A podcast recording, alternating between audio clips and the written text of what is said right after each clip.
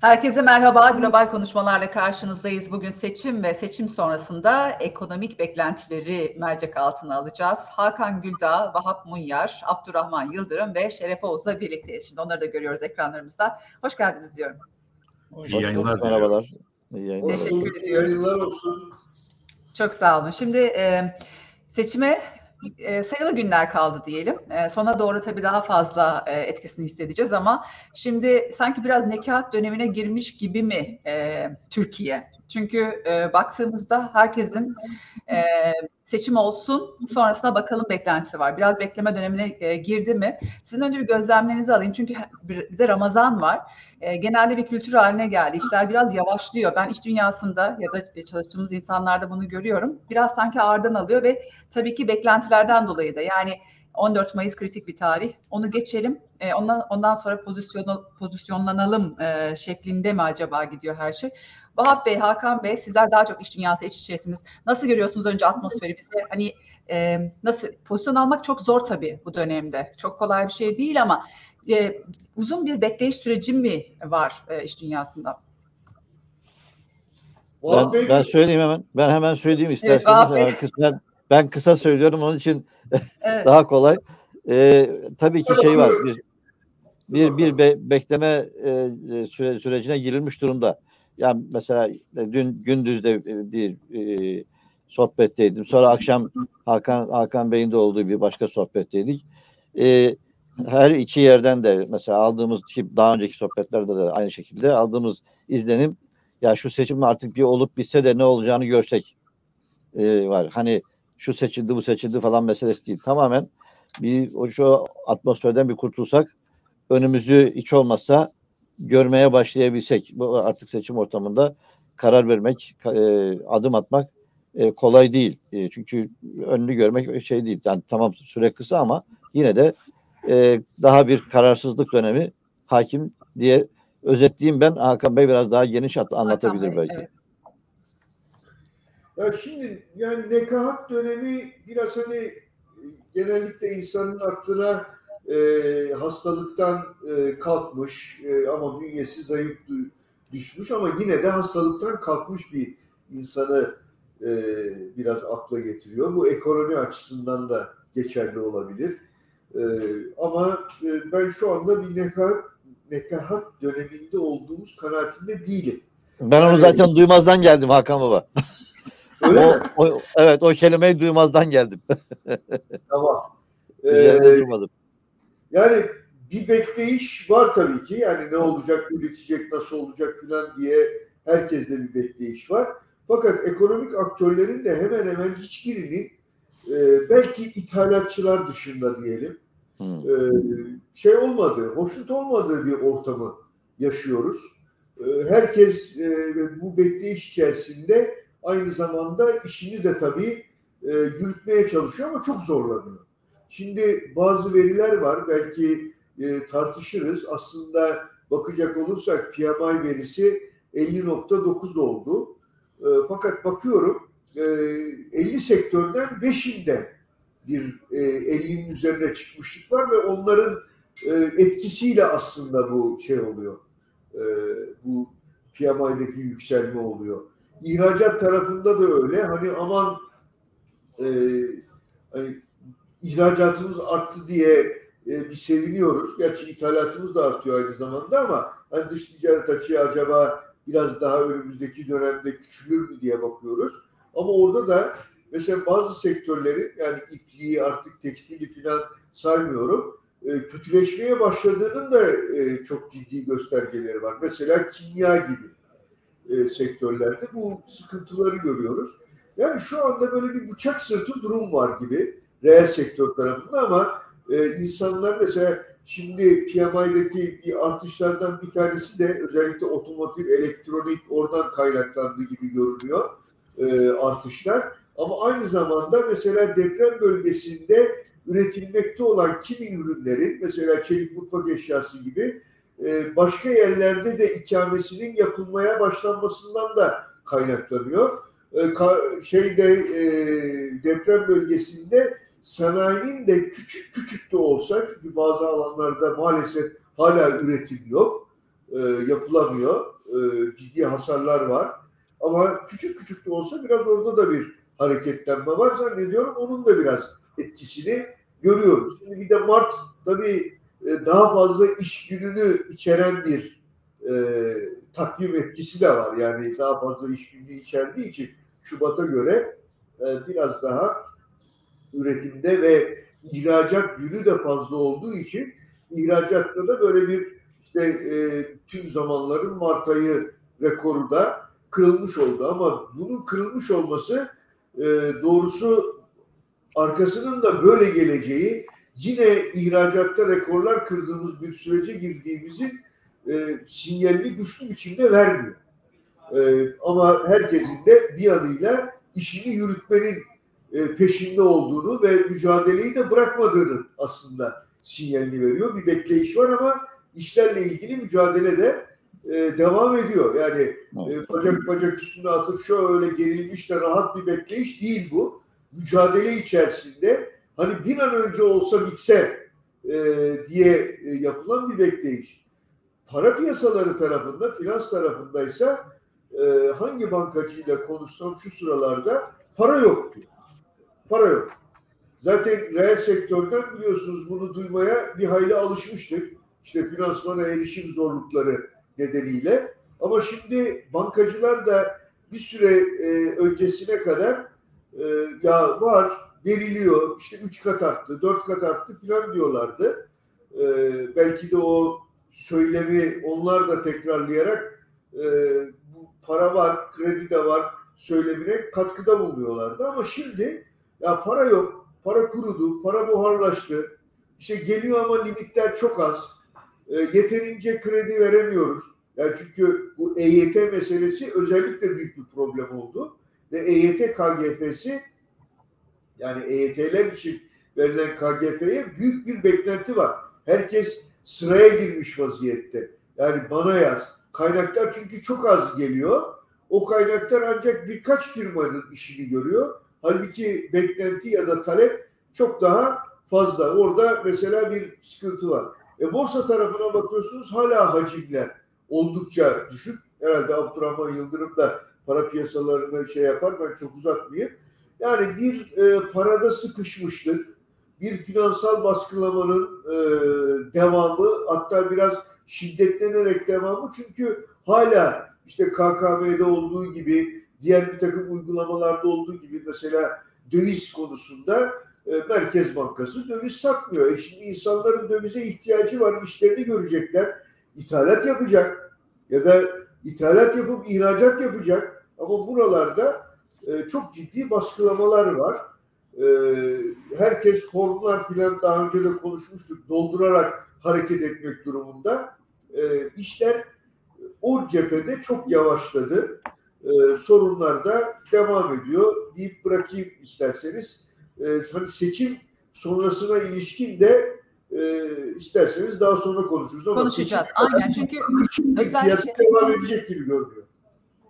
Şimdi zaten seçimler belirsizlik yarattığı için bir tedirginlik oluşturuyor. Buna alışığız. Yani bunun aslında sorgulanacak bir tarafı yok ama bu seçim gerçekten tarihi bir seçim olarak görüldüğünden dolayı o baskı daha fazla hissedilmiş durumda. Ben bugün realden gidelim istedim. O yüzden iş dünyası nasıl yaşıyor bunu bu süreci? Evet. Esnafta biz bunu gözlemliyoruz ama iş dünyasını çok iyi okumak lazım. Ee, para tarafı önemli. Mesela uluslararası kredi derecelendirme kuruluşlarının da analizlerinde aslında hani risklerden bahsediliyor. Zaten e, değerlendirmelerinde Türkiye'ye yönelik aslında e, beklentiler e, olumsuz yönde e, görünüyor bundan sonrası için e, değerlendirmelere baktığımızda. Evet mesela döviz riskine çok dikkat çekiliyor. Şimdi e, Şeref Bey siz de e, bu seçim öncesi e, atmosferi nasıl soluyorsunuz? E, onun hem e, düşün, şey, o konuda düşüncenizi alalım. Bir de bu aslında e, şimdi seçim sonrasında konuşacağız ama e, şu anda e, iş dünyasının olsun, gördüğümüz riskler açısından olsun. Şimdi mesela e, şimdi siyasiler de bu iktidar değişikliği olsa bile e, politika değişikliğine gidecek. Şimdi mesela en büyük sorunlardan bir tanesi EYT sorun yarattı dedi. Finansal tarafta çok ciddi sıkıntılar var. E, KKM konusu. Mesela orada işte mesela Kılıçdaroğlu dedi ki ben değişiklik yapacağım. E, yani bunun mesela işte e, faizini kaldıracağım diyor. Dolayısıyla e, yani çok de, ciddi değişiklikler ve riskler ve sorunlar e, öngörülecek. Öyle görünüyor. Sizin o anlamdaki e, riskler, e, beklentiniz nedir? Ben daha ziyade bu beklenti ortamını konuşalım. Öbür tarafta daha fazla anlatırım bunu ama e, söylenenlerin ilave şunu söyleyebilirim. Yani aslında iş dünyası seçim konusunda gündemde, seçim önümüzde sandık gözüktü. Fakat bir kimse Godoy'u falan beklemiyor. Herkes ikna oldu ki Godo falan gelmeyecek. Başımıza gelecek olan yapmamız gereken bazı ev ödevleri olduğunu, e, döviz e, fay hattının risk e, gerilim topladığını, stres topladığını, dövizle ilgili bir düzeltmenin, faizle ilgili bir düzeltmenin ya da e, önümüzdeki dönemde kim kazanırsa kazansın e, yapılması gereken e, bazı şeyler olduğunu merak ediyorlar. Hatta benim kendi izlenimimi söyleyeyim. Kim kazanacağından ziyade kim kazanırsa kazansın ekonomiyi rayına oturtup oturam, oturtamayacağı konusundaki tereddütler çok fazla benim etrafımdaki iş dünyası tarafından konuşuluyor. Yani e, seçim doğru bir e, herkes bu konuyla ilgili olarak dikkati orada çünkü gözüktü üstümüze geliyor ve bütün gündemi dolduruyor. Bak depremden dahi söz eden yok şu sıra ki bu kadar insanımız öldü.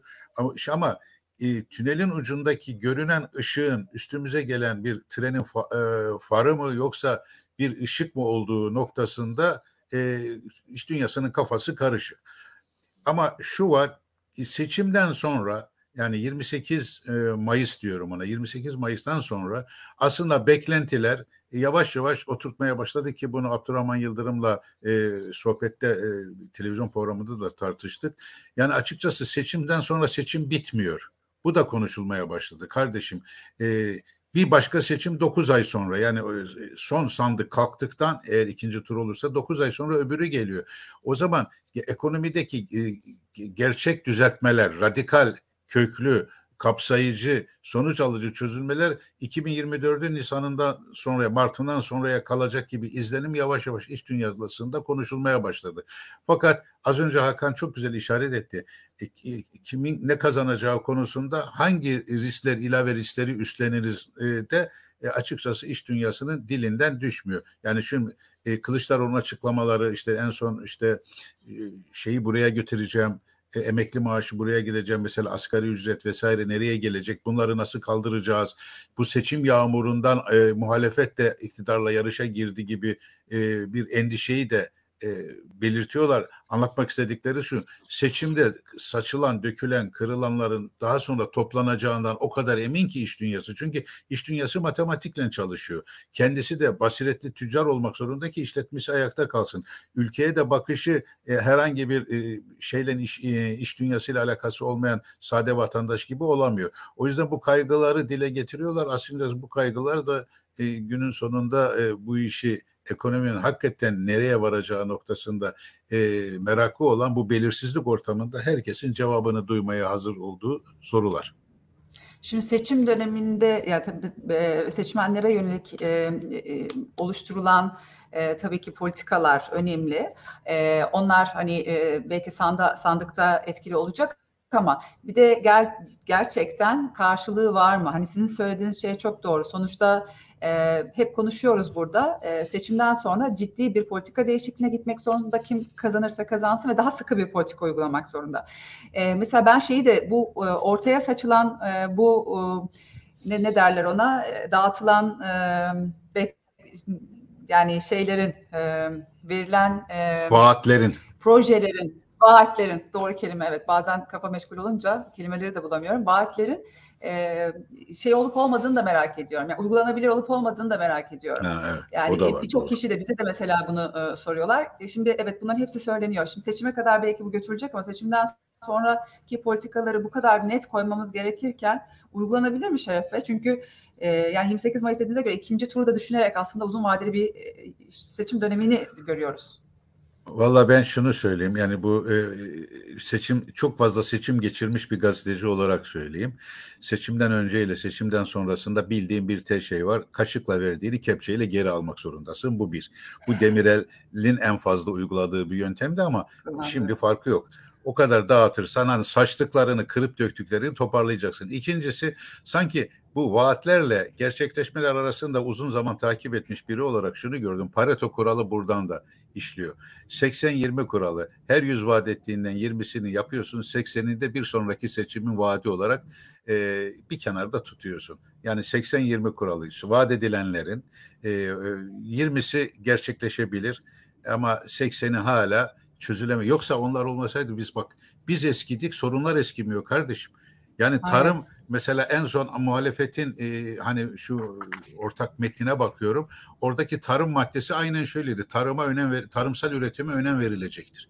E bunu bu biçer de e, de böyle Öyle. bir vaadi var. Hakan Güldağ'ın da Abdurrahman Yıldırım'da Vahap'ın zaten var. Yani şimdi Hı. al böyle olduğu zaman e, fakat uygulama projesi var mı noktasına ve arkasında duracak mısın noktasını geldiği zaman göreceğiz. Kimisi Ama şere, Şeref Oğuz e, eski, eskiye göre şimdi biraz daha farklılık var. Şimdi muhalefet vaat ediyor, iktidar daha seçimden önce uyguluyor. Hemen devreye koyuyor. EYT'de olduğu gibi. Asgari ücretli olduğu gibi. Emekliye bayram ikramiyesinde olduğu gibi. Şimdi onlar vaat mı? Kazanacak olanın için el bombası mı? Bu bir tuzak ayrı. Onları göreceğiz. Ama... Göreceğiz. Evet o da ayrı. Evet. Doğru haklısın. O, o kısmı ayrı. Sadece şey hani evet. bir, bir kısmını uygulanıyor bir kısmı uygulanmıyor dedin ya onun için söyledim. Sadece hatırlatma evet. açısından. Evet. Sözünü kestim kusura bir bakma. De, Estağfurullah. Bir de kepçeyle herhalde vergi ve ceza ile vergi ve ceza herhalde. Çünkü Tabii, çok yani, son dönemde acayip bir e, ceza kesiyor. Herhalde yani, en iyi alma yöntemi evet. de olacak. Evet, lira basam lira, lira basıyorsun da o enflasyon üretiyor. E, aynı zamanda evet. dolar basamıyorsun. Dolar üreten iki tane rotatifimiz var. Dolar makinemiz var iki tane. Regal biri ihracat biri turizm. İhracatçının belki yüzde kırkından herhalde kim kazanırsa kazansın vazgeçmek durumunda kalacak ki bu insanlar bize döviz taşıyan legal. Turizm de inşallah bu sene de bir rekor kırarız ama hiçbiri yetmiyor. Türkiye'nin dış kaynağı ihtiyacı var. Bu da bizi finansal sıkıntılara ve Abdurrahman Yıldırım'a getiriyor galiba. Evet hemen ona dönüp Abdurrahman Evet, Bey, evet Abdurrahman Yıldırım. Para nerede? Para nerede? evet. Nerede? Gel buraya. Yok, gel buraya anladım. hesap ver. Tartışmayı biraz daha şey edelim. Yani madem seçim sonrasına e, odaklanıyoruz. Bir kere seçimde sandıktan ne çıkacak? Bu seçim sonrasını şekillendirecek bence. Çünkü iktidara gelecek olanlar e, radikal bazı kararları vermek durumunda kalacak. Önümüzdeki e, icraat döneminde. Bir tanesi dış politikaya ilişkin. Amerika diyor ki ya bendensin ya karşı taraftansın. Sa, e, safını belli et. Hakikaten karşı taraf dediğimiz şey de örgütleniyor işte. Çin devlet başkanı Rusya'yı ziyaret etti. Rusya, Çin, e, İran, Suudi Arabistan, Pakistan e, vesaire yani İran'la e, Suudi Arabistan'ın barıştırılmasını da yine Çin gerçekleştirdi. E, bunların arasına e, Mısır katılıyor. E, Türkiye'nin ne yapacağı da çok önemli.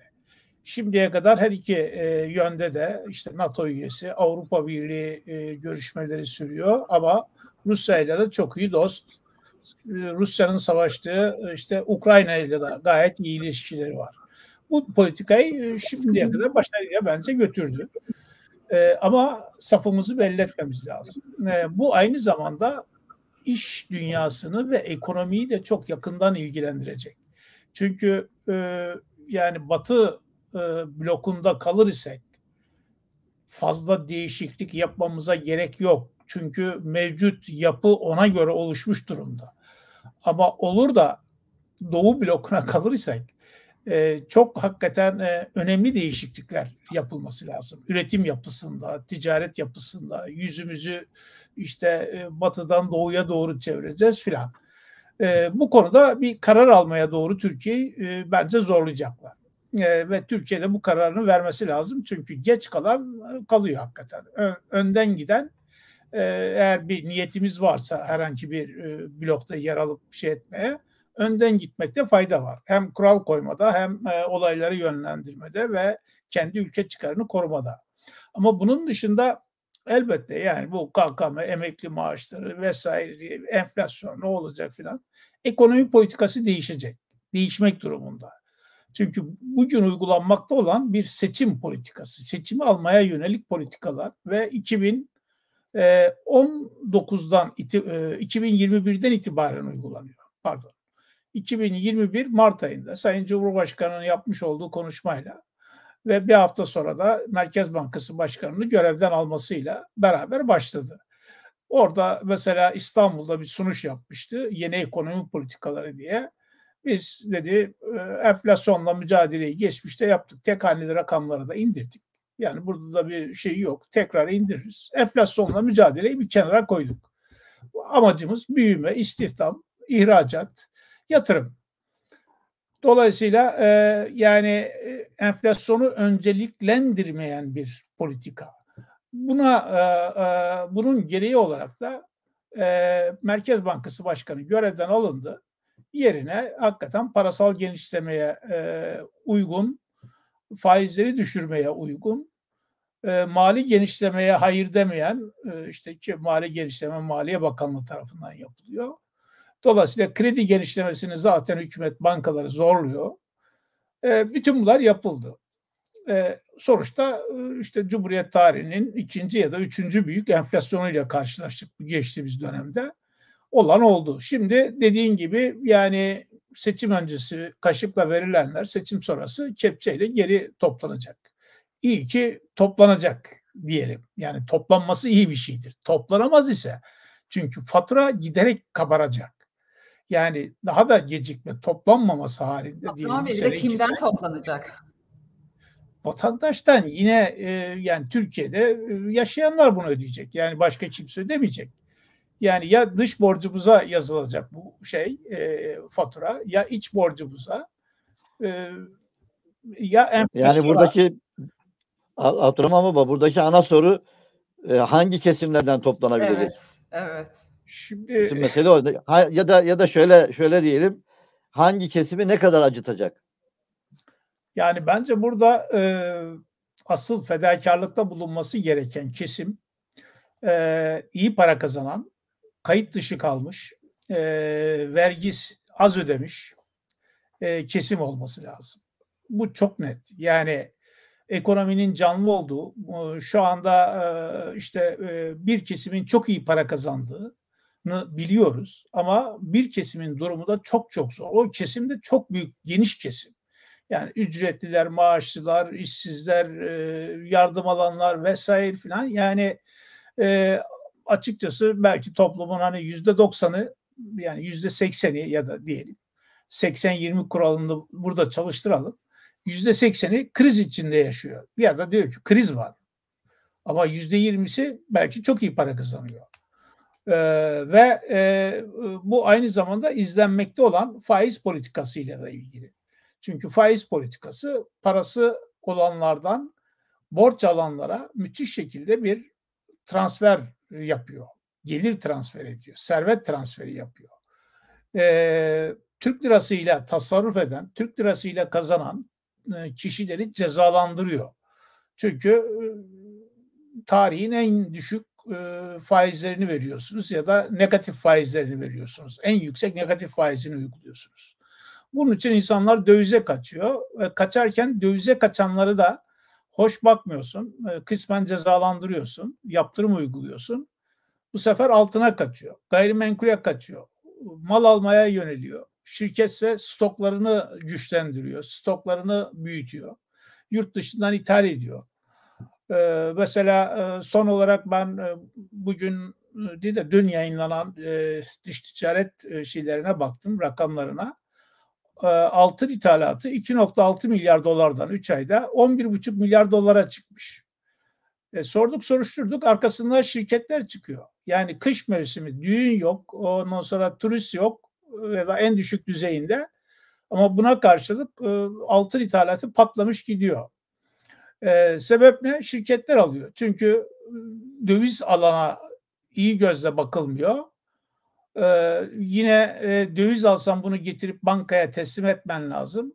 E, yani altın aldın mı kayıt dışı kalabiliyorsun kısmen. Gri alana giriyor. E, ve altının geçerliliği de var. Üstelik de altında pek de düşüş beklemiyor. Kısmen yükseliş de bekleniyordu. Dolayısıyla bu biraz da gerçekleşti. Baktığımız zaman altının onsu dünya piyasalarında da işte 2000 doların üzerine çıktı. Dolayısıyla geçtiğimiz 3 ay içerisinde altına e, bu şekilde bir yaklaşım gösteren, yatırım yapan şirket veya bireyler e, kazançlı görünüyor. Haklı da görünüyor ve eğer bu önümüzdeki seçim döneminde ve seçim sonrasında kambiyo rejiminde bazı değişiklikler yapılacak ve e, ne diyeyim e, kambiyo kısıtlamalarına gidilecekse döviz alım satımı e, işte daha sıkı bir düzene bağlanacaksa, izne bağlanacaksa şirketler bunu aşmanın e, bir yolunu altınla bulmuş durumdalar. Bunun için altın talep ediyorlar. O da dış ticaret açığımızın büyümesine yol açıyor. Yani bu sene için dış ticaret açığımızı en çok artıran kalem altın ithalatı olmuş. Ee, yani enerji ithalatı mesela düşmüş. Yani geçen sene işte e, ithal ettiğimiz enerjinin toplam tutarından bu sene daha az. İşte geçen sene Mart ayında 8 milyar dolarlık ithalat vardı. Şimdi 6 milyar dolara düşmüş. Ama altın öyle değil, altın yükselmiş. Ee, bir de bakıyoruz otomobil bile mesela. Yüzde 78 otomobil ithalatı artmış. Yüzde 78 ilk 3 ayda. Yani seçimde Türkiye'de otomobil pazarının canlanması gayet normal. Hani seçim faaliyeti herkes bir araba ister, sağa sola gidecek, kampanya yapacak filan. Satışlar artar. Ama bu onun da üzerinde ve ithal otomobile talep var. Dolayısıyla orada da baktığımız zaman e, bu otomobillerin son 4-5 yıllık e, fiyat grafiğine valla altın ve dolarla yarışmış adeta. Hatta geçmiş zaman zaman. Yani birinci el otomobil ya da sıfır kilometre otomobil fiyatlarını karşılaştırdığımızda böyle bir durum çıkıyor ortaya. Bu sefer otomobile de otomobil de alanlar işte tasarrufunu, parasını saklama aracı olarak görenler ve alanlar da karlı çıkmış oluyor. Haklı çıkmış oluyor. Ve bu eğilim devam ediyor. Ee, işte seçim süreci ve seçimden sonra yine uygulanacak ekonomi politikalarından şüphe duyanlar daha çok belki bunu yapıyor. E, ama bu bu arada tabii ki e, yani hükümetin de seçim sonrasında nasıl bir e, politika uygulayacağını netleştirmesi, bunu inandırıcı bir şekilde ortaya koyması lazım. Yoksa e, bu tür kuşkular, korkular ön plana çıkınca böyle hem ithalat kalemine yansıyor hem yatırım kararlarına, üretim kararlarına, kaynakların farklı alanlara gitmesine yol açabiliyor bence. E, bu anlamda yani seçim sonrasına yönelik de yani piyasaların e, iş dünyasının işte yatırım kararlarının beklemekte olduğunu e, olması gayet normaldir.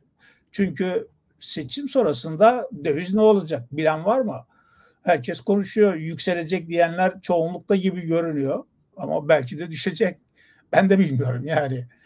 Ee, ortaya konacak bir ekonomi e, politikası olacak o politika nasıl çalışacak? Nasıl kurgulanacak? Abdurrahman Yıldırım dün, akşam Hakan Hakan Güldar'la beraber bir e, sohbetteydik. Orada işte e, bir ihracatçı arkadaş e, dedi ki mesela Millet İttifakı yüzde 65'e e, 35 kazanırsa mesela döviz düşer dedi. Öyle bir şey olur mu hakikaten sence? Yani olabilir ama ona şunu eklemek lazım. Ee, yani Millet İttifakı iş başına geldiğinde eğer IMF ile bir Yok program... mesela şey demiyor. Mesela diyelim ki 50 yüzde 53 ile kazandı o zaman aynı bir şey söylemiyor. Yani çok ezici çoğunlukla kazanırsa ancak Elbette elbette az önce bu bir... seçimin nasıl sonuçlanacağına da bağlı demiştim evet, ya. Evet. Bu yani ezici bir e, çoğunlukla kazanması durumunda bu şu demek yani bundan sonra artık işte yolumuz bu. Bu politikalardan sapılmayacak. O politikalar ne? Seküler politikalar ya da işte ekonomide ortodoks politikalar diyelim. Çünkü e, muhalefet bu ortodoks politikalara daha yakın duruyor. Onu uygulayanlar e, işte o koalisyonu meydana getiriyor. Dolayısıyla doğrudur. Yani böyle bir sonuç da doğurabilir. Kaldı ki işte iş başına gelecek hükümet diyebilir ki ben e, hani böyle bir tablo devralıyorum. Bunun altından finansman olarak kalkabilmem için toplu bir paraya ihtiyacım var. Üstelik de IMF bu parayı bize bütün piyasalardan daha düşük faizle veriyor. IMF'ye gidiyorum. Yani IMF de eski IMF değil. Hani çok sıkı kemer sıkma politikalara uygulamayı dayatmıyor. E, hatta popülist politikaları zaman zaman önermeye bile başladı. E, banka kurtarmaları vesaire de sıcak bakıyor. Dolayısıyla bir de bunu açıklarlarsa hakikaten o zaman ben döviz kurunu görürüm. Yani e, yükseliyor mu düşüyor mu? Düşüyor olacak. E, dolayısıyla e, yani iktidar da bunu yapabilir. İktidar da değişebilir. Diyebilir ki önümüzde ciddi bir tablo var. Bir deprem geçirdik. Dolayısıyla bütün bu finansmanın altından kalkabilmemiz için biz tekrar e, bu yola giriyoruz. Bu da aynı etkiyi yaratabilir. Ama e, IMF'ye gitmeden iktidar, mevcut iktidarın kazanması ve e, ortodoks politikalara doğru dönmesi halinde bunun tekrar inandırıcılık kazanması zaman alır. Dolayısıyla ısrarlı olması lazım o politikayı uygulamakta. Dolayısıyla belli bir süre sonra ancak e, piyasalar ikna olup Türkiye'ye para e, e, yani yeniden Türkiye piyasalarına gelmeye başlayabilirler ve döviz akışı hızlanabilir. Ama ben e, asıl risk faktörünün ekonomiden ziyade dış politika tercihlerinde yattığını ve e, hem risk hem getiri diyelim ona. Yani risk tek başına değil. Çünkü hangi blokta yer alacağımız aynı zamanda gelecek dönemimizi çok ilgilendirecek. E, orada olduğunu düşünüyorum. E, evet seçim çok büyük bir belirsizlik ama aynı zamanda çok büyük bir icraat kapısının da aralanması demek. Dolayısıyla seçmenin iktidara gelecek olanlara vermiş olduğu mandate mi ne diyelim sözleşme ya da emir e, şeyi de çok önemli. Yani bir tarafa eğer hakikaten tercihini yoğunlaştırırsa bu başka algılanır. Çok ortada bir yerde e, bir seçim sonucu ortaya çıkarsa bu iktidarı daha bir titrek yapabilir. İktidarı o, hükümeti oluşturacak e, grubu diyelim ya da başkan seçilecek cumhurbaşkanını. E, dolayısıyla yani seçim sonucuna da evet çok bağlı. İş dünyasının da beklemesi gayet normal. Çünkü çok büyük bir belirsizliğe ve test aşamasından geçeceğiz. Ondan sonra da bütün politikalar ona göre dizayn edilecekse bütün o radikal kararlar e, o zamana kadar bekler. Peki. E, Hakan Bey şimdi en büyük sorun seçim sonrasında aslında e, dış politikanın belirlenmesi ve bizim blokumuzun e, neresi olacağını e, gösterecek dedi e, Abdurrahman Bey. OECD'nin bizim ekonomi gazetesinde e, Türkiye masası e, şefiyle yapılmış bir röportajda da en büyük sorun aslında zorluk, enflasyon ve istihdam olacak diyor. Fitch döviz riskine dikkat çekiyor. E, gerçekten seçim sonrasında e, bizi bekleyen en büyük sorun ne? Bunu birazcık irdelemek istiyorum. Bir de e, tabii tahmin yapmak, öngörü yapmak çok zor ama şimdi e, insanlar da finansal açıdan e, kendini bu süreçte e, en azından korumaya çalışıyor. Yani yönlendirmeye çalışıyor. E, mesela işte KKM ne olacak? E, sonuçta e, faizi de KKM faizini de serbest bıraktı e, şu anda hükümet. E, sonrasında kaldırılacak mı, kaldırılmayacak mı? Çünkü oraya giden bir e, para var. Parayı, paranın nereye gittiğini de bu süreçte ve sonrasında nasıl yönleneceğini de aslında biraz görmek lazım. Çünkü insanlar onu da soruyorlar bize. E, işte mesela dolar ne olacak? O konuda Abdurrahman Bey aslında biraz açıklama yaptı. Onu öngörmek çok zor. İktidar nasıl şekillenecek? Nerede olacak? Onu görmek lazım. Faiz kısmı var. E, faiz politikasında bir değişiklik e, olacak ama mesela e, işte e, iktidar değişirse faiz artırım sürecine girilirse acaba bir kriz ortaya çıkar mı konusu var. İşte IMF konusunda mesela bu, bunun da sonuçta, sonuçta şartları var. Bu para akışı hemen olacak mı? Nasıl olacak? Yani bir sürü belirsizlik var ama hani sizin öncelikli olarak gördüğünüz ne? E, onu merak ediyorum. Sesiniz kapalı. Şimdi görüntüyü kapattık. Ses ve görüntüyü aynı anda açarsak. Evet. Sesiniz hala kapalı mikrofonunuzu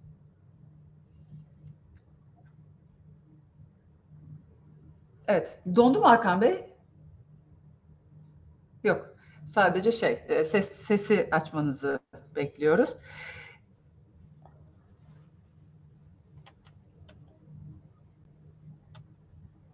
Bir arıza var herhalde şeyde ses. ses. Olabilir, evet.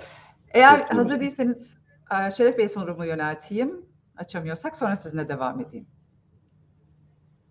Tamam öyle yapalım siz evet. o sırada. Şeref Bey o zaman zaten e, sizin de o konudaki görüşünüzü merak ediyorum. Yani oradaki temel şey yani temel sorun ne olacak? Ne e, önümüzdeki herkes tabii kendi kendi e, bireysel bütçesiyle doğru orantılı düşünüyor belki. Şu anda parası olan e, bir takım mesela Mahfi Hoca'nın bir e, açıklaması vardı. Şu anda para bu dönemde bu kadar belirsizlik üzerine altın ve faize gidiyor diye mesela. E, gerçekten o tarafa doğru yöneliş var mı? E, sonrasında tabii uygulanacak politikalarla bu yönde değişecektir mutlaka.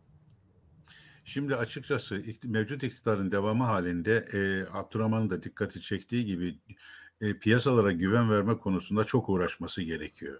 Yani ben heterodoks tövbesi yapması yetmiyor. Hani az önce de IMF'nin lafı çok geçiyor. IMF ile e, dahi e, bu konuda e, masaya oturup yeniden IMF'yi kovdu, ülkeden kovduğumuz IMF'yi dahi getirme noktasına gelebilir. Neden? Çünkü Türkiye'nin döviz ihtiyacı, döviz likidite yönetimi e, bunu daha önce de konuştuk. En temel sorun. O anlamda e, mevcut hükümet yeni bir öykü üretemeyecek. Mevcut öyküsünü revize edecektir. Ama bunlardan en büyük revize dövizli e, yani şey faizi nasıl olmaktan çıkarıp zaten şu anda fa, adına faiz demeyerek bir sürü faiz ortalıkta dolaşıyor. Şimdi en son ekonomi gazetesinde de bunu gördük. Adına prim diyoruz kardeşim. Yani faiz dememek için aklımıza gelen bir türlü her türlü kelimeyi kullanıyoruz. Sadece faiz diyemiyoruz. Niye? Çünkü faiz şu anda kavramsal olarak nasıl olarak koruma altı. Kutsali, faize bir kutsaliyet koyduğun zaman kutsala dokunamıyorsun noktasına geldi ama onun dışındaki her tarafa dokunuyorsun. Adına kutsal demeden, faiz demeden bir sürü şey ortaya çıkıyor. Büyük ihtimalle buradaki bu sıkıntı ortadan kalkacak. Şimdi e, az önce e, yabancılar yani muhalefetin Şeref, Şeref Oğuz, Şeref evet. Oğuz kutsal, kutsal değil de belki şeytani bir şey desek daha mı iyi olur acaba? Kutsal deyince çok Hayır, yani kuts, şeytan şeytan da kutsal diyor negatif kutsal. Yani ona öyle bir kutsiyet atfettiğin zaman dokunamıyorsun. Hani şimdi e, Atatürk e, havaalanının ortasına pistine cami yapıyorsun ya kim gelirse gelsin onu yıkamayacak. Cami yıkılır mı? Ama niye ne işi var tam pistin ortasında? Onu sorgulamaya bile fırsat. İşte faiz de o hale geldi. Tıkadık onu bir yere koyduk. Şimdi faiz e, konusunu diyelim açtı ama az önce e, Abdurrahman da e, la konuşurken güzel bir laf etti. Yani yurt dışından gelecek olan kaynakların e, olması artması halinde dövizin düşebileceği de ihtimal arasında e, bilmiyoruz ama şimdi peki sorarım size e, dövizi biz aş, enflasyonu indirmeden, enflasyonu belirli bir yere getirmeden dövizi ne kadar aşağı indirebilirsin ki? İhracatçıyı ne yapmaya çalışıyorsun? Zaten şu anda bile e, Hakan buna ikide bir dikkati çekiyor zaten. Şu anda bizim e, ihracatçımızın e, uzak doğudaki rakipleri e, karşısında Avrupa pazarlarındaki fiyat farkı tahammül edilemez boyutlara geldi ki hani bana özel bir e, kur uygula yani bana daha yüksek bir e, kurdan gidelim ya Türk lirası bu kadar değerlenmişken ben nasıl e, bu e, ihracatta kazanabilirim? Yani anlatmak istediğim iki tarafı keskin bir bıçak bir ustura ağzında yaşamaya benziyor. Atilla İlhan'ın şiirindeki olduğu gibi. Resmen şu anda ekonomi ustura ağzında gidiyoruz. Yani bir yere dokunsan öbür taraf gidiyor vesaire. Kaldı ki 2024 seçimlerine doğru kim kazanırsa kazansın gene büyüme ihtiyacımız var. Şimdi tuhaftır enflasyonu durdurmak için ayağın frende fazla sert basmamak kaydıyla ama öbür taraftan da seçimi kazanabilmek için ayağın diğer ayağın gazda olan bizim yakıta olacak araba yenide sayacak. Yani ben açıkçası bu süreç içerisinde çok fazla köklü şey değişiklikleri, politika değişiklikleri bekleyemiyorum. Ve o yüzden e, söylemi, söylediğim şu biz açıkçası seçimden sonra derken 14 Mayıs ya da 28 Mayıs sonrasını kastetmiyoruz. 19 şey 2024 Mart Nisan'ından sonraki dönemi seçim sonrası olarak ben kafama koydum. Niye? Çünkü az ancak o zaman kapsamlı bir program uygulayabileceksin. Belki yabancı sermaye getirebilmek için hukuk, hukuk reformunu yeniden gündeme getireceksin. Abdurrahman'ın refere ettiği dış politika konusundaki tercihlerin ve üzerine gelen e, talepler e, konusunda netlik kazanacaksın. Daha billurlaşacaksın. Ondan önce sanıyorum hepimiz top çevireceğiz. Muhalefette, iktidarda. Yer değişseler dahi sadece pozisyonları değişecek. Ben o açıdan ekonomide kalıcı bir iyileşmeyi bu yakın dönemde ne yazık ki bekleyemiyor, bekleyemiyorum. Gönül ister ki döviz düşsün vesaire ama enflasyon gibi bir bela var olduğu sürece bütün yaptığınız denklemlerde hani e, parantezin dışında sıfır çarpanı gibi geliyor. Parantezin içinde bütün gayretlerinizi anlamsızlaştırabiliyor. Teşekkür ederim. Hakan Bey'in sesi tamam. Hakan Bey, e, siz gelecekte ilk önce hükümetin, e, göreve gelecek olan hükümetin halletmesi gereken e, öncelikli sorunun ne olduğunu düşünüyorsunuz? Ee, hemen söyleyeyim, kusuruma bakmayın. Fareyi bir türlü şeyin üzerine yani getiremedik. Ondan kaynaklandı. Yani bir, bir sakatlık var. Kameradan bağlandığım için kusuruma bakmayın. Şimdi e, yani esas hikaye bence yine faiz ve yani paranın fiyatıyla ilgili olarak e, gelişecek. Ama ani faiz, ani ve hızlı faiz arttırımları da ekonominin kaldıramayacağı bir konu. Şu anda çok belli. Şu anda hem bankalar açısından hem de bankalardan daha da fazla zaten bu fa düşük faiz ortamında düşük e, faizlerle kredi bulabilenlerin biraz hayatiyetinin sürdüre, sürdürüldüğü bir ortam var. Şirketler açısından söylüyorum. Reel kesim açısından söylüyorum. Yani onlar e, şu anda bu düşük faiz ortamında diyelim. İşte biraz önce Abdurrahman da Abdurrahman Yıldırım da söyledi. Yani en negatif reel faiz e, dönemi her şeye rağmen bunun getirdiği bir e, yaşayabilme imkanları var. Şimdi ani ve hızlı faiz artışları bu firmaların birçoğunu belki yoğun bakım ünitesine bile göndermeden derhal e, iflasa ya da başka sıkıntılı konulara doğru sürükleyebilir. Yani burası son derece kritik. E, ikincisi şimdi bu e, negatif e, reel faizler tasarruf sahiplerini tüketime teşvik ettiğini de yine konuştuk. E, hani hakikaten e, bir, bu, bu sürecin bir önünün kesilmesi gerekiyor ama bunun da çok dikkatli bir şekilde yapılması lazım. EYT üzerinden beklenen e, gelir artışları ve tabii yeni ücret artışları da var. Biraz önce değindiniz. Hani her gün bir el arttıran var. Ya vaatler kısmına geçilmesi güzel de bu vaatlerin de biraz e, ayağının e, yere sağlam basması lazım. Ama öyle olmuyor. Neyse en azından e, projeler, yani vaatler daha sonra projelere de dönüşür. Hiç olmazsa birbirimizi tehdit etmekten vaat etmeye geçiyorsak bu bile bir şeydir diye bakıyorum ama yine de e, çünkü o tarafın getireceği konu yani tehditler üzerinden ve negatif çok negatif kampanyalar üzerinden yürüyecek bir seçim süreci e, Abdurrahman Yıldırım'ın dikkat çektiği jeopolitik gelişmeler kadar Türkiye'yi ciddi şekilde etkiler. Yani e, seçimi nasıl atlatacağımız da önemli. Kimin kazanacağından da bağımsız olarak bu seçimi nasıl geçireceğiz? Bu süreci nasıl geçireceğiz? Ee, eğer diyelim ki e, işte böyle daha vaatler, projeler üzerinden ayağı yere basan basmayan artık bir bu seçimi bitirdiğimiz zaman e, ortaya e, ne çıkacak? Sürdürülmesi çok zor diyoruz bu para politikasını. Yani para politikası da demek de artık e, çok zor zaten buna. Geçen sefer seçim ekonomisi dedi Servet Yıldırım. Katılıyorum ben. Artık ne heterodoks ne ortodoks bir şekilde nitelemek de zor bunu. Ama diyelim ki bu sürdürülemedi bu para politikası ki öyle görünüyor. Mutlaka e, ani ve hızlı olmasa da bir şekilde faizlerle oynanacak ve bu yukarıya doğru çıkarmak şeklinde olacak. Şimdi böyle bir durumda e, doğrusu iç talebin eğilimi şu andaki eğilim tersine dönebilir. Yani belki enflasyonla mücadelede belli bir zemin kazanılır böylelikle ama öte yandan da içeride bir durgunlaşmayı da beraberinde getirebilir. E, kaldı ki biraz önce e, konuştuk ama bu PMI'yi vesaireyi e, şu anda dışarıda yeniden e, PMI'ların yani Avrupa'da mesela PMI'ların falan geri çekildiği bir süreci tekrar yaşamaya başladı.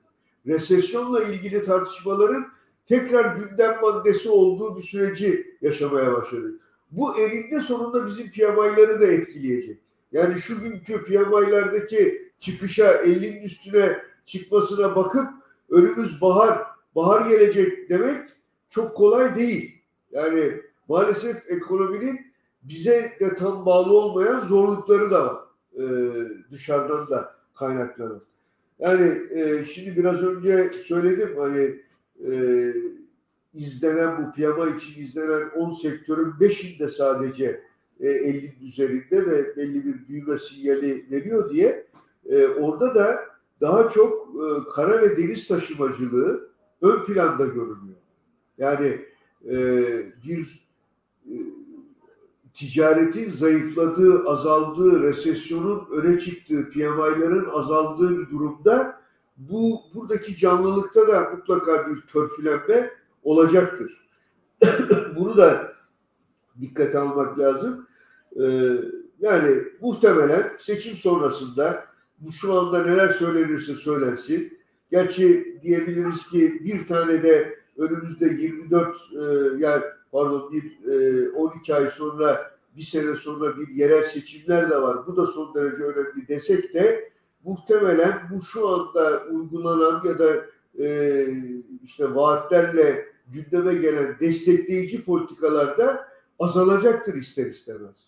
Bu da iç talebi belli oranda baskılayacaktır. Yani hakikaten e, üretici eğilimleri hani kur vesaire bu politika e, öbür taraftan tüketici eğilimleri enflasyondaki artış ama daha sonra politikanın değişmesiyle para politikası yeni bir para politikasının gelmesiyle burada e, biraz e, ekonomik faaliyetlerin durgunlaşmaya başlaması hakikaten ki galiba Şeref Oğuz söyledi bıçak sırtı bir durum.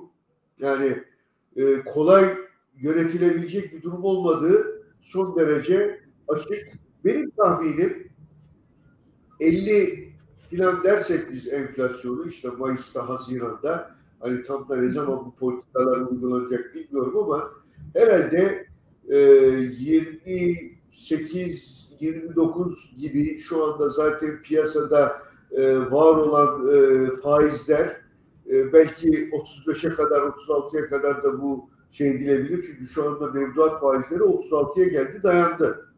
E, bu bu e, çerçevede bir faizleri yeniden ayarlanması söz konusu olabilir. Belki tek seferde değil ama bir iki e, adımda, bir iki basamakta buraya doğru gideceğiz gibi görünüyor. Eğer tabii hükümetin programında yeni hükümetin kim gelirse diyelim gelsin tabii ki fark eder ama yeni hükümetin yeni programında enflasyonu gerçekten yüzde yirmiler civarında hiç olmazsa 2023'te e, çekmeyi planlayan bir şey varsa olabilir mi? Olabilir.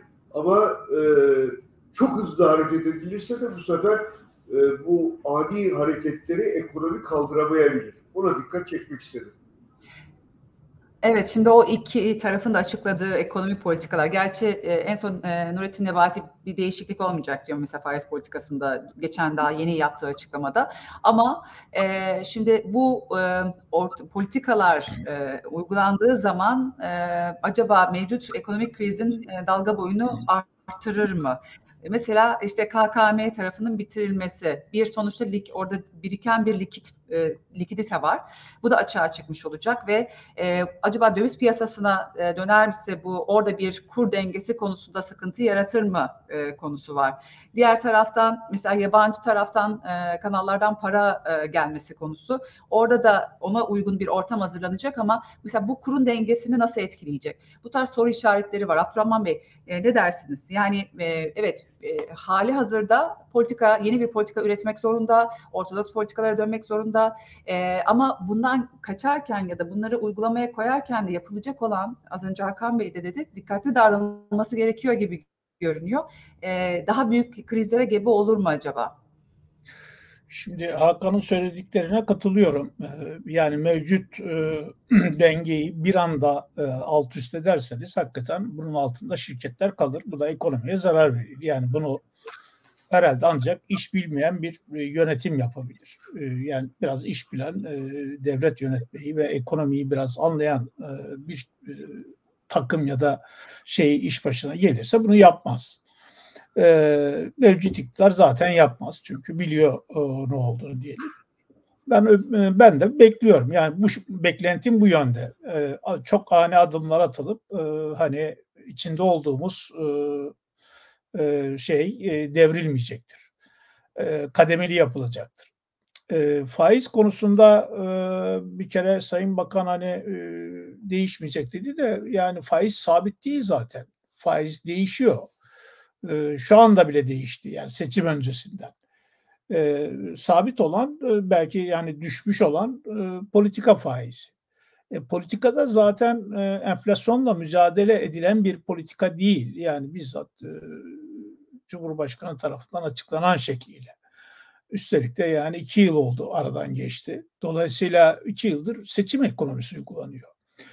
Terk edilecek ve değiştirilecek dediğimiz politika bu zaten. Seçimi almaya yönelik bir politika. Dolayısıyla seçim geride kaldıktan sonra bu politikanın aynen bu şekilde sürdürülmesi beklenemez.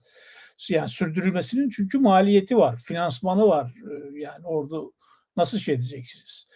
Ee, dolayısıyla seçim sonrası hakikaten e, işler biraz toparlanma yolunda gidecek. Bu seçim ekonomisi terk edilecek. Daha e, e, işte ekonominin yapısına uygun, ekonomik kurallarına daha yatkın politikalar gündeme gelecek en azından. Dolayısıyla sabit faiz politikasına da geçmediğimize göre yani faiz değişecek. Değişti işte 36'ya geldi diyor Hakan. Ya benim de baktığım geçen hafta itibariyle bankaların 3 aylık mevduat faizi %28. 36'ya geldiği de doğru. Çünkü farklı vadeler var. Kur korumalı mevduattan şey çıkartıldı bu faiz sınırı. Bu demektir ki kur korumalı mevduat devam etse bile devlete yükü olmayacak. Yük bankalara binmiş olacak. Bankalar Türk lirası mevduat, döviz mevduatı bir de kur korumalı mevduat diye bir uygulamayı yapacak. Kur korumalı mevduatta daha çok e, biz döviz mevduatı diye sayabiliriz. Ona da bir faiz verecekler ya da yürürlükten kalkacak. Yani bence kur korumalı mevduatın e, fiili fonksiyonu aşağı yukarı seçimle beraber dolmuş olacak. Seçimden sonra fiilen de yürürlükten kalkmış olacak. Yani faiz e, konusunda hani e, faiz değişmeyecektir demek e, zor. Değişti. Yani seçim öncesinden değişti. Şu anda değişti. Günlük belirleniyor. ihtiyaca göre belirleniyor. Müşterisine göre belirleniyor. Ee, ama bence Merkez Bankası da faizini değiştirecek. Ee, yükseltecek. Yükseltmez ise çünkü adı politika faizi. Ben enflasyonla mücadele etmiyorum demektir seçim öncesinde olduğu gibi seçim ekonomisine devam ediyoruz demektir. Yolu böyle göstermiş olur. Halbuki bu politika faizi piyasa faizlerine biraz yaklaştırılırsa, adım atılırsa ne olur? Enflasyonla mücadeleye başladık olur. Yani dolayısıyla sinyal etkisi daha fazla olur. Ve bence değişecektir. Ama yani dediğim gibi Sayın Bakan'ın yapmış olduğu konuşmanın olduğu günde dahi faizler değişiyor. Yani faiz değişmez diye bir şey yok. Sabit kur politikası olmadığı gibi sabit bir faiz politikası da yok Türkiye'de. Ama şunu e, diyordur yani e, ve bunu herkes de ister. Reel faizler düşük olacak. Ya da biz e, negatif faiz uygulamaya devam edeceğiz. Ama şu anki negatif faiz ne kadar derseniz bir tarafta yüzde elli enflasyon, diğer tarafta sekiz buçuk politika faizi, yüzde kırklık bir e, negatif faiz var. E, bunu pekala yüzde onluk negatif faize de indirebilirsiniz. Dolayısıyla yine negatif faiz uygularsınız. Ama ekonomiye yaratacağı tahribatı önemli ölçüde azaltmış olursunuz. E, dolayısıyla yani yurt içi ekonomik e, kararlarda e, ben e, fazla zorlanılacağını tahmin etmiyorum. E, bizi asıl yurt dışı şeyler zorlayacak, jeopolitik gelişmeler zorlayacak. E, yurt içi de yoksa vatandaşlar da yani bunca seçimi geride bıraktık biliyor. Yani seçim öncesinde verilen şeyler seçim sonrasında geri alınır. E, bunu vatandaşlar da kabul ediyor. Dolayısıyla seçim öncesinde zaten vermiyorsan seçim sonrasında hiç vermeyeceksin demektir. Yani ne verebileceksen.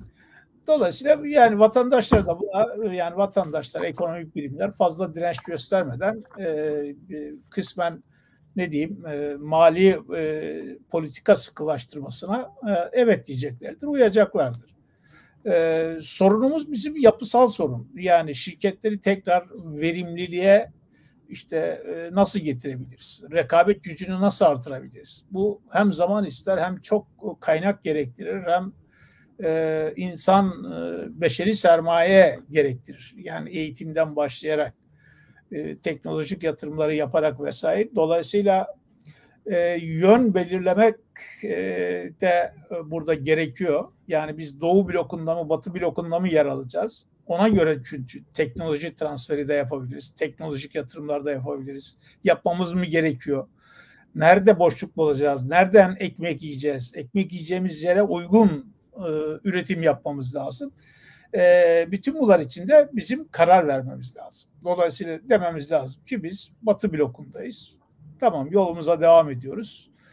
E, ya da Doğu blokuna geçtik. Ona uygun bu sefer yeni bir seferberlik başlaması lazım. Çünkü e, çok kolay değil. Yani 15-20 yıllık süreçte belki böyle bir uyumu e, ancak yapabiliriz denge dönemi bitti. Yani bir tarafa artık mutlaka kanalize olmak zorunda Türkiye diyorsunuz. Evet. Hep bir denge kurmaya çalışıyor ya Türkiye. Yani Şimdi sona kalırız son yoksa sona kalan dona kalır misali. Yani sona kalan hakikaten e, şey e, kazanç elde edemeyebilir. Şimdi son dakikalarımızın içindeyiz. Ee, Twitter'da takip ediyorum çünkü orada da e, oradan gelen sorular da var. Çok da ters köşe bir soru Ferit Ayaz e, sormuş. Ben aslında e, onunla bitirmek istiyorum. E, şimdi siz Maliye Bakanı olsaydınız ne yapardınız diyor. A, Maliye Bakanı olmak ister miydiniz böyle bir dönemde bilmiyorum. Allah e, kolaylık ve sabır versin tabii. Çok zor bir süreç ama. E, o yüzden böyle tek tek alayım fikirlerinizi Şerefe. Ben Mehmet Şimşek gibi davranırdım. Affımı isterdim. Sonra geleyim. Sonra Gerçi isterdim. şimdi yeni bir, bilmiyorum doğru mu ama e, az önce gözüme çarptı. Bil. Mehmet Şimşek de evet e, şeyden sonra kabul evet. etti deniliyor. Ama yok ama danışman gibi, danışman gibi. Danışman gibi hayır. Danışman gibi. Taş, taşın altına evet, evet. yani altına altına el konulası bir taş değil artık maliye.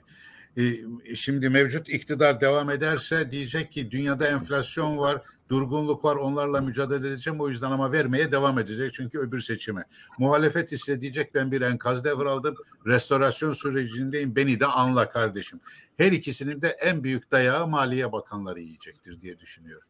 Yani Maliye Bakanı olmakta Maliye Bakanı olmakta bence bir zorluk yok.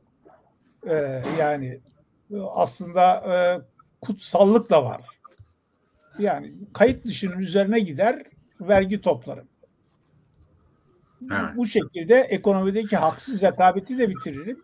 Haksızlığı da bitiririm. Adaleti sağlamış olurum. İnşallah. Olurum diyorsunuz. Evet. Bol bol vergi de toplayacaksınız. Yani günah keçisi olacaksınız ama tamam, kepçeyle alınacak sonuçta oradan gelecek. Toplanmayan kesimden toplayacağım.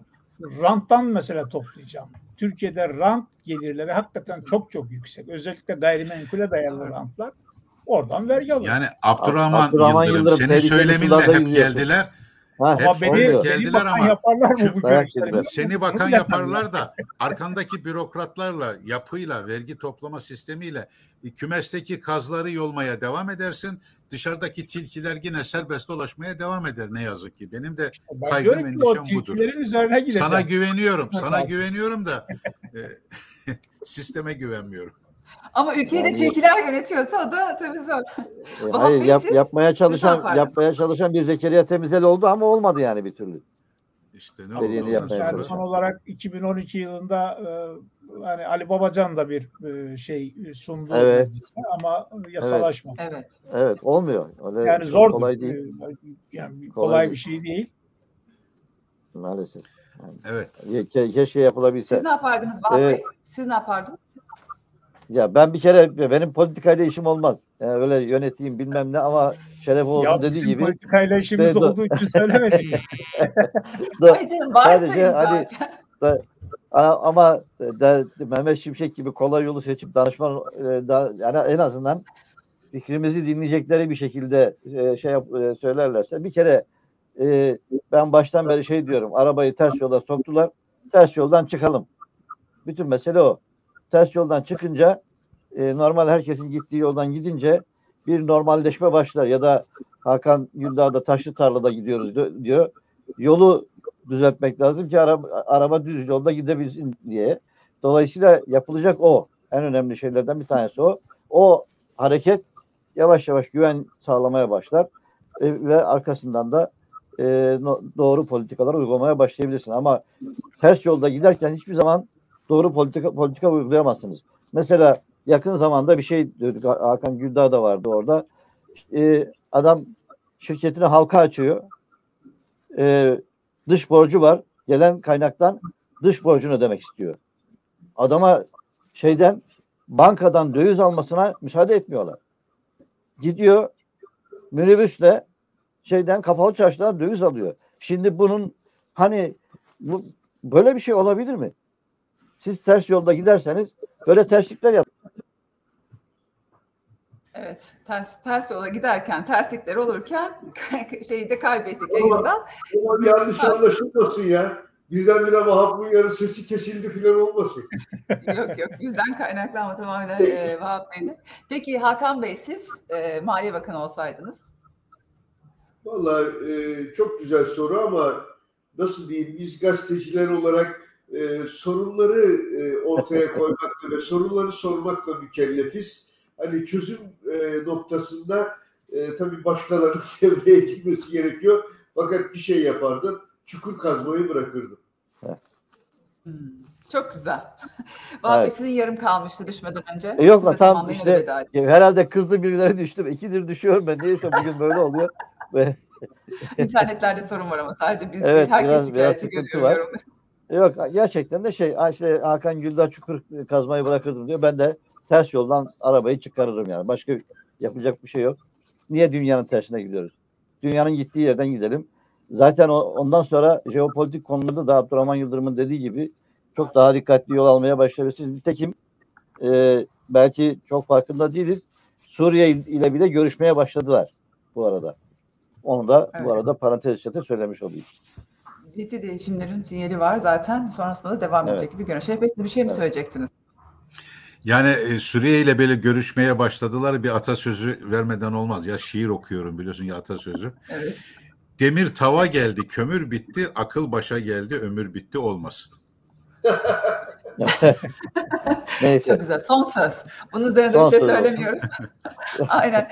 Çok teşekkür ediyorum bugün için sizlere. E, noktalıyoruz ama tekrar karşınızda olacağız. E, bizden ayrılmayın diyoruz. Hoşçakalın. Sağ olun.